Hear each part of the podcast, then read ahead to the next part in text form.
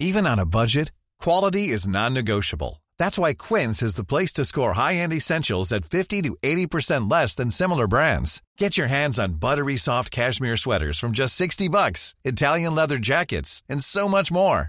And the best part about Quince, they exclusively partner with factories committed to safe, ethical, and responsible manufacturing. Elevate your style without the elevated price tag with Quince. Go to quince.com slash upgrade for free shipping and 365-day returns. I'm Sandra, and I'm just the professional your small business was looking for. But you didn't hire me because you didn't use LinkedIn jobs. LinkedIn has professionals you can't find anywhere else, including those who aren't actively looking for a new job but might be open to the perfect role, like me. In a given month, over 70% of LinkedIn users don't visit other leading job sites. So if you're not looking on LinkedIn, you'll miss out on great candidates like Sandra. Start hiring professionals like a professional. Post your free job on linkedin.com slash achieve today. Since 2013, Bombas has donated over 100 million socks, underwear, and T-shirts to those facing homelessness. If we counted those on air, this ad would last over 1,157 days. But if we counted the time it takes to make a donation possible, it would take just a few clicks. Because every time you make a purchase, Bombas donates an item to someone who needs it. Go to bombas.com slash ACAST and use code ACAST for 20% off your first purchase. That's bombas.com slash ACAST, code ACAST. Du lytter til en podcast fra TV2. Vi er inde i et fængsel i Ecuador. Der sidder betjente bundet på gulvet. Og så kommer der den her unge fyr i joggingtøj og med maskeret ansigt og en pistol. Jeg kan genkende den der lidt nervøse måde, som banditter fra fattigforstederne i Latinamerika bevæger sig på. Hans intonation, hans måde at tale på, er også øh, typisk for den type. Han har sin pistol. Han fører den om bag nakken på en af betjentene på gulvet foran ham i fængslet.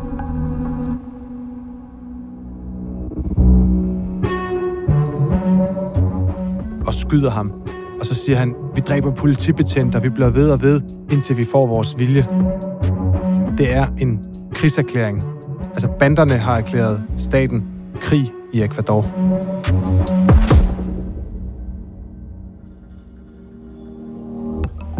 I sidste uge kom det frem, at den berygtede forbryderkonge Adolfo Macias, også kaldet Fito, var forsvundet fra sin fængselscelle i Ecuador. Ecuador's government can't say how or even when Fito escaped from this prison in Guayaquil. Flugten har udløst et ragnarok af vold i landet, der for få år tilbage var et af de mest fredelige i hele Latinamerika. To South America now and the unprecedented violence on the streets of Ecuador, with the president declaring the country is in a state of war. Som reaktion på volden har præsidenten erklæret intern væbnet konflikt og sat militæret ind mod landets bander, der nu officielt er stemplet som terrororganisationer. Dato i dag handler om, hvordan et menneske på få år har spillet en nøglerolle i at forvandle et fredeligt turistparadis til en narkostat i opløsning. Mit navn er Joachim Claus Høj Bindslev.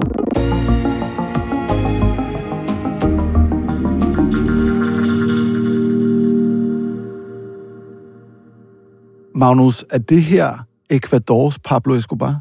Han er i hvert fald den mest magtfulde forbryder i Ecuador, som lige nu er et nøgleland for kokainhandlen, og som også er der, hvor meget af kokainen i Danmark skibes afsted fra. Hvor stor en betydning har den her mand i forhold til, hvordan Pablo Escobar havde det i sit land? Escobar han havde så meget magt, at når fodboldholdet skulle til VM, så var de forbi hans finca, som var sådan et bizart sted med flamingo og flodheste, og var en slags audiens. Og han var ligesom mere magtfuld end præsidenten øh, tilbage i starten af 90'erne i, i Colombia. Fito, til sammenligning, altså han er den største fisk, men i en mindre spand, ikke? Altså han er, han er Ecuadors forbryderkonge. Han har jo erklæret præsidenten krig, og det er ikke kun præsidenten, der har erklæret ham krig, han har også erklæret krig, og, og det er formentlig hans folk, som, øh, som, som, altså, som orkestrerer meget af det kaos, man ser i Ecuador lige nu.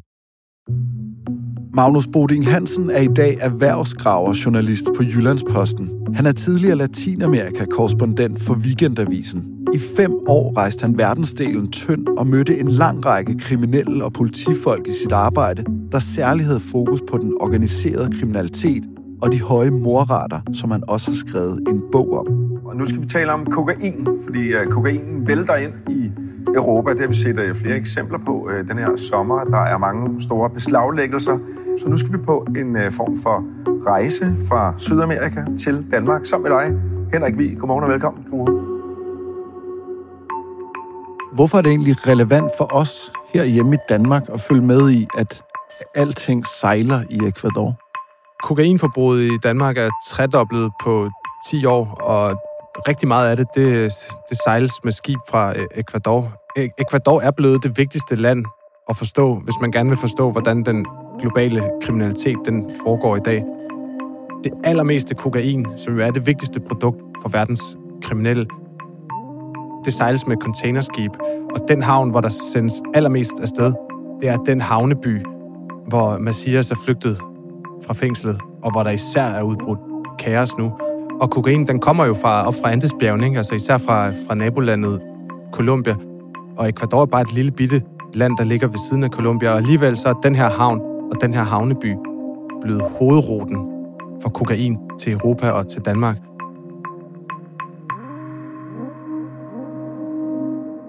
Den her narkobaron, eller hvad vi skal kalde ham, Adolfo Macias, hvem er han egentlig?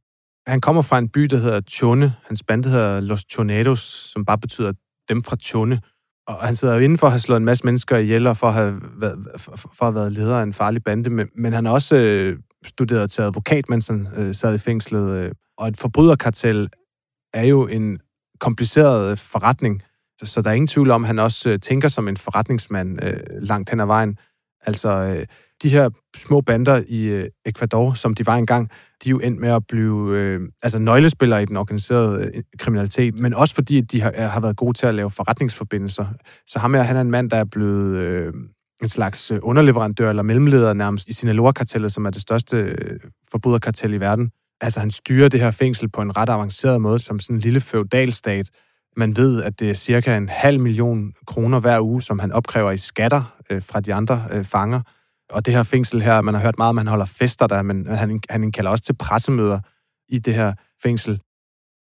16. september sidste år bliver der lagt en musikvideo på YouTube, hvor Adolfo Macias af sin syngende datter og flere andre hyldes som en fantastisk mand og en bossernes boss. Hovedpersonen selv optræder en dag i videoen med optagelser inde fra fængslet. Hvad er han for en karakter, ham her? Jeg, jeg synes, essensen af ham bliver, bliver indfanget i, i sådan en lidt underlig musikvideo, som han øh, uploader her i sidste år.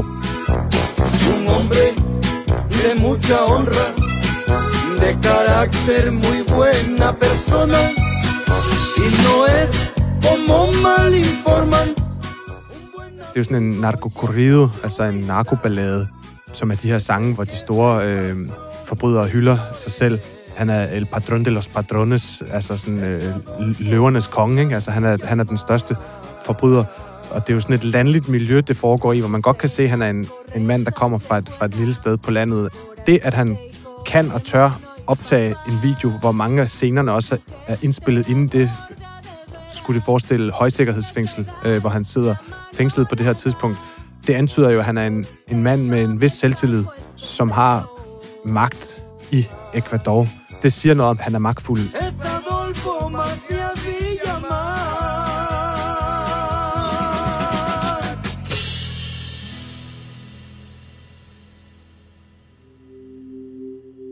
Adolfo Macias her, han avancerer i sin bande Los Choneros, og i 2011 så bliver han og nogle andre så arresteret for trafficking, organiseret kriminalitet og dømt og fængslet. Et par år senere i 2013, der flygter han så fra fængslet sammen med flere andre. Prøv at fortælle om det. Der løber en flod øh, lige uden øh, for fængslet. De er sådan en øh, 18 folk øh, fra hans bande, som øh, får nogle af, af deres øh, bandekolleger øh, uden for fængslets øh, mure til at sejle forbi i nogle simple både. Så de øh, slipper ud af fængslet og flygter i de her både, som, som venter på dem, og, og der går faktisk mange måneder, før øhm, øh, myndighederne øh, fanger ham igen. Hvad sker der med hans rolle inden i den her gruppe, mens han er i fængsel igen? Allerede dengang, der da han flygter i 13, der har de sådan en slags formandskab i den der forbryderbande. Men mens han sidder inde i fængslet, der opbygger han altså både sit kriminelle forretningsimperie, øh, og også ret hurtigt sin formelle magt, og allerede for flere år siden, der bliver han den officielt øverste leder af den her øh, forbryderband, som på det tidspunkt er den mest magtfulde i Ecuador. Den officielle titel som den øverste leder af banden Los Choneros får Adolfo Macias i 2020. Er han egentlig almindelig sådan kendt i Ecuador, ham her? Alle i Ecuador ved godt, altså både øh, hvem Adolfo Macias er, og også øh, at det er ham, der bliver kaldt Fito. Alle ved, hvem forbryderkongeren er. Det vil ikke undre mig, hvis han var lige så kendt som præsidenten. Jeg ved, at du synes, Magnus, at et afgørende tidspunkt i den her historie om Ecuador, der er stukket fuldstændig af, det er for omkring et halvt år siden knap op i august 2023. Hvad, hvorfor det? I august sidste år, der kommer ham her præsidentkandidaten Fernando Villavicencio gående ud fra sådan et pakket vælgermøde, hvor han har stået og snakket om, øh, hvordan at øh, staten den er kuppet af forbryderne, øh, og han vil ligesom bekæmpe dem, og han, han kommer gående ud, altså sådan skal kæmpe sig gennem menneskehavet. Folk råber Fernando, Fernando, og han er på vej ud til sin bil, som holder i sådan en typisk latinamerikansk øh, tra- trafik, hvor man ikke kan komme hverken øh, frem eller tilbage. Han er sådan lidt svedig, han er sådan lidt en, en, en, en stor mand, ikke? og han har en eller anden underlig juice, ligner det i, i, i hånden. En, en polotrøje, øh, sikkert plettet under armene, og så får han bugtet sig gennem øh, det her hav af mennesker ind i sin øh, bil, og det øjeblik, han dukker nakken og træder ind i sin store bil, så hører man det første skud, og så kommer der et mere, et mere. Så bliver han altså dræbt der lige uden for sit eget øh, vælgermøde. I Ecuador er en præsidentkandidat i nat blevet skudt og dræbt ved et vælgermøde blot to uger. Hvorfor bliver han skudt og dræbt? Det, der sker i, i august 2023, det er, at øh, Ecuador, som jo på få år er blevet et ekstremt øh, voldeligt øh, land, og også et meget mere korrupt land, øh, de har valgkamp, øh, fordi øh, regeringen er faldet på grund af noget med noget underslæb og noget svindel og noget fusk. Og så den eneste præsidentkandidat, som tør sige klart og tydeligt, det, der er galt i vores land, det er øh, ikke bare, at der er narkoforbrydere, men at de øh, har magt øh, helt ind i regeringskontorerne. Og han har åbent fortalt få dage inden, at han er blevet troet øh, af Macias, altså, øh, øh, og Alos Tornados-banden. Øh, Øhm, så, så meget tyder jo på, at det er dem, der har fået ham dræbt. Øh, og, og, og det, som, som jeg synes er så afgørende ved det her tidspunkt, øh, det er, at at det, det, det er det tydeligste eksempel på, at Macias han udfordrer hele øh, staten øh, Ecuador. Altså en ting er at være forbryder og prøve at gemme sig. En anden ting er at være forbryder og så stå og, og, og trumme sig øh, på brystet på den store politiske scene midt under en valgkamp. Det her drab, hvad kommer det til at betyde for Daniel Noboa, altså ham, der ender med at vinde præsidentvalget, og så ikke mindst Adolfo Macias? Det, som jeg synes er så afgørende ved det her mor på præsidentkandidaten sidste år, det er, at på det tidspunkt, der bliver den nuværende præsident og forbryderkongen, der bliver de den vigtigste mand i hinandens øh, liv. Og den nuværende præsident på det tidspunkt, han er sådan en præsidentkandidat, som på ingen måde fører sådan en glat ansigtet, ung milliardær øh, søn, tidligere shippingmand med en endnu yngre influencerkone, har gået øh, på Harvard, født i Florida, som øh, ikke er gået vildt meget op i øh, at bekæmpe organiseret kriminalitet, som har haft sådan nogle floskler som sin officielle politik med, at løsningen må være øh, socialarbejde og uddannelse og sådan alle de her lidt øh, sådan korrekte, ekspertagtige bud på løsninger, som politikere i Latinamerika normalt ikke har tid til at vente på. Men den her unge øh, milliardærsøn-kandidat, som har ment de her bløde ting i forhold til kampen mod organiseret kriminalitet, efter det mor, så skifter han fuldstændig over og bliver hårdere end de hårdeste. Altså så siger han, okay, så kører vi det på den gamle måde. Mano Dura hedder det i, i Latinamerika, den hårde hånd. Og så går han ud og siger, at nu er det krig, og vi vil bygge sådan nogle kæmpe fængsler. Hele den her øh, magtkamp, den starter med den bølge af skud, som dræber præsidentkandidaten sidste år. Det drab, vi ser på den her mand, der taler mafiaen, narkokartellerne imod, hvad har det at gøre med det, der sker lige nu? Det, der foregår lige nu, det er, det siger både præsidenten og forbryderkongen, det er en krig mellem de to mænd om, hvem der bestemmer i Ecuador. Det starter med de skud den dag i august sidste år. den krig kulminerer jo i de her dage. Ved vi med sikkerhed, at det drab på præsidentkandidaten, der ifølge dig får det hele til at eksplodere, får krigen til at bryde ud, at det er ham der, bossen Messias, der står bag det? Det, som vi ved med sikkerhed, det er, at Messias og hans bande har truet den her præsidentkandidat få dage inden drabet. Det ved vi, fordi det sagde han selv offentligt. Vi ved ikke med sikkerhed. Altså, han er ikke blevet dømt for det, men der er tæt på enighed om, at det må være ham, der har beordret det. Øhm, lige bagefter, så tager myndighederne ham også og flytter ham ind i et mere sikkert fængsel.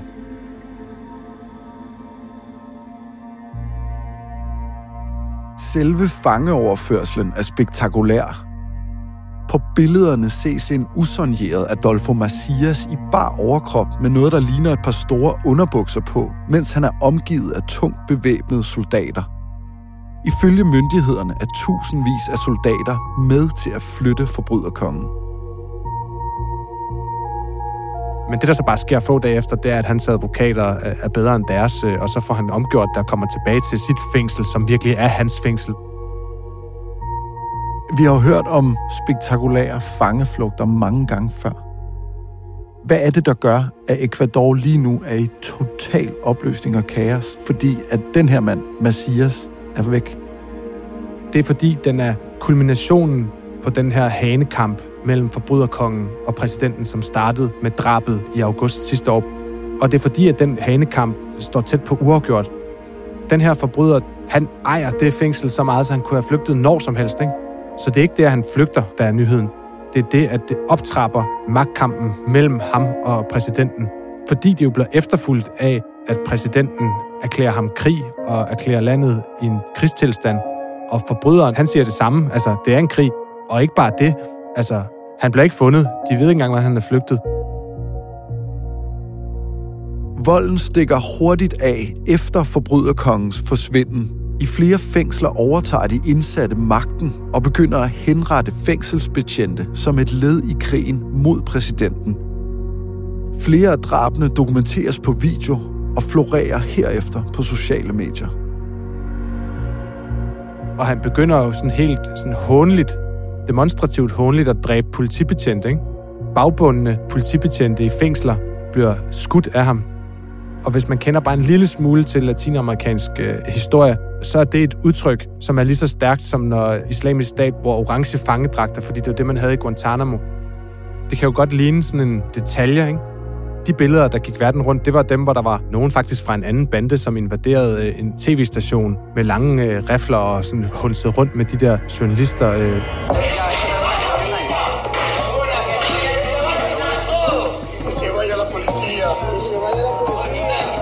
I Ecuador stormede bevæbnet og maskerede mænd en tv-station under en liveudsendelse i aftes dansk tid.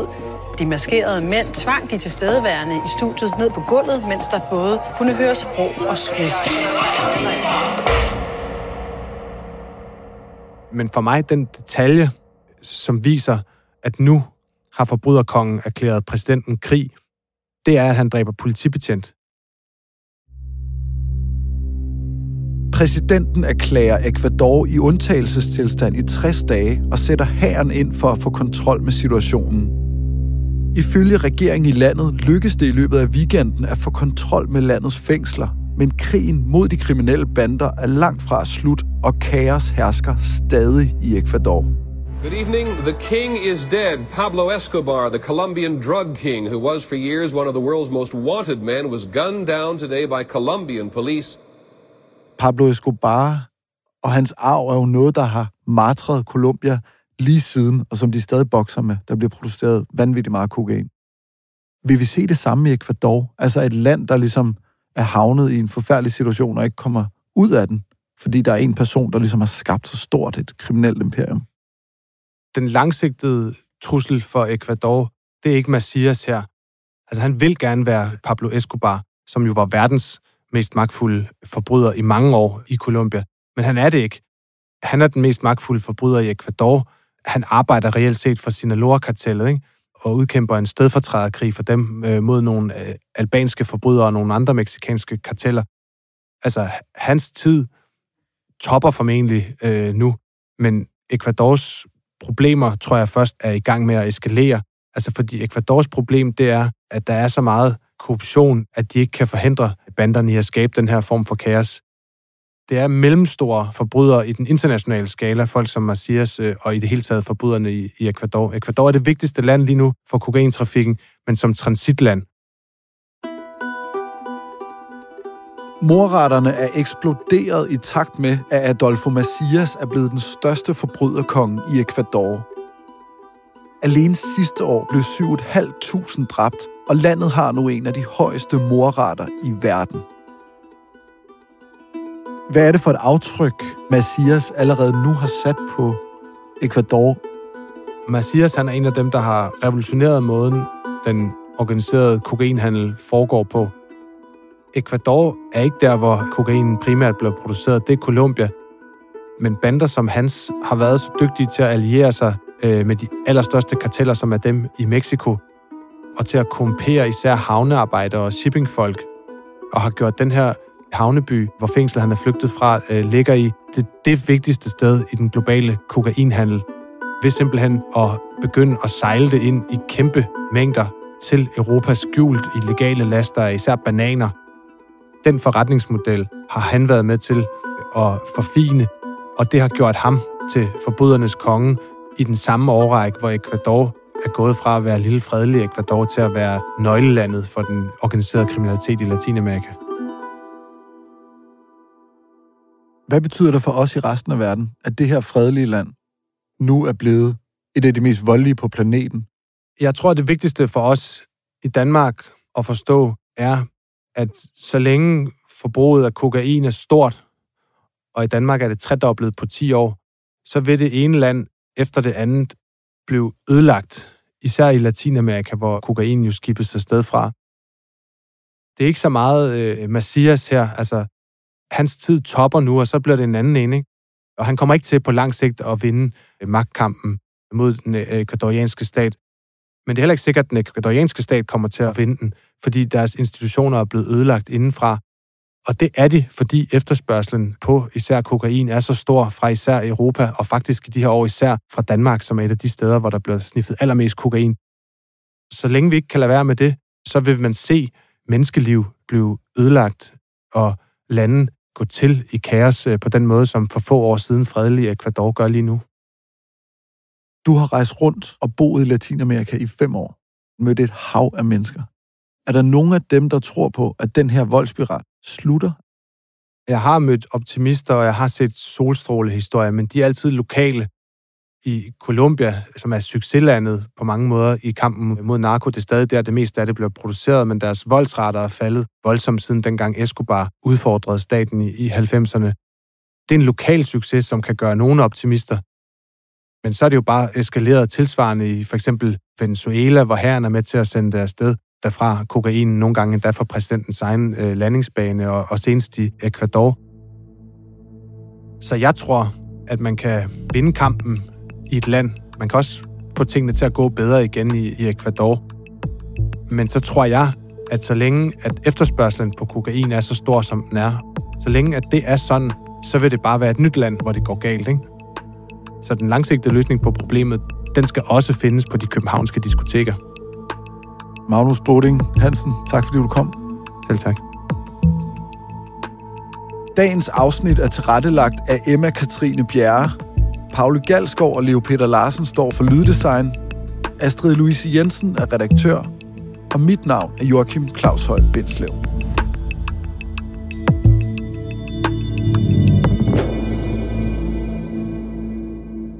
Du har lyttet til en podcast fra TV2.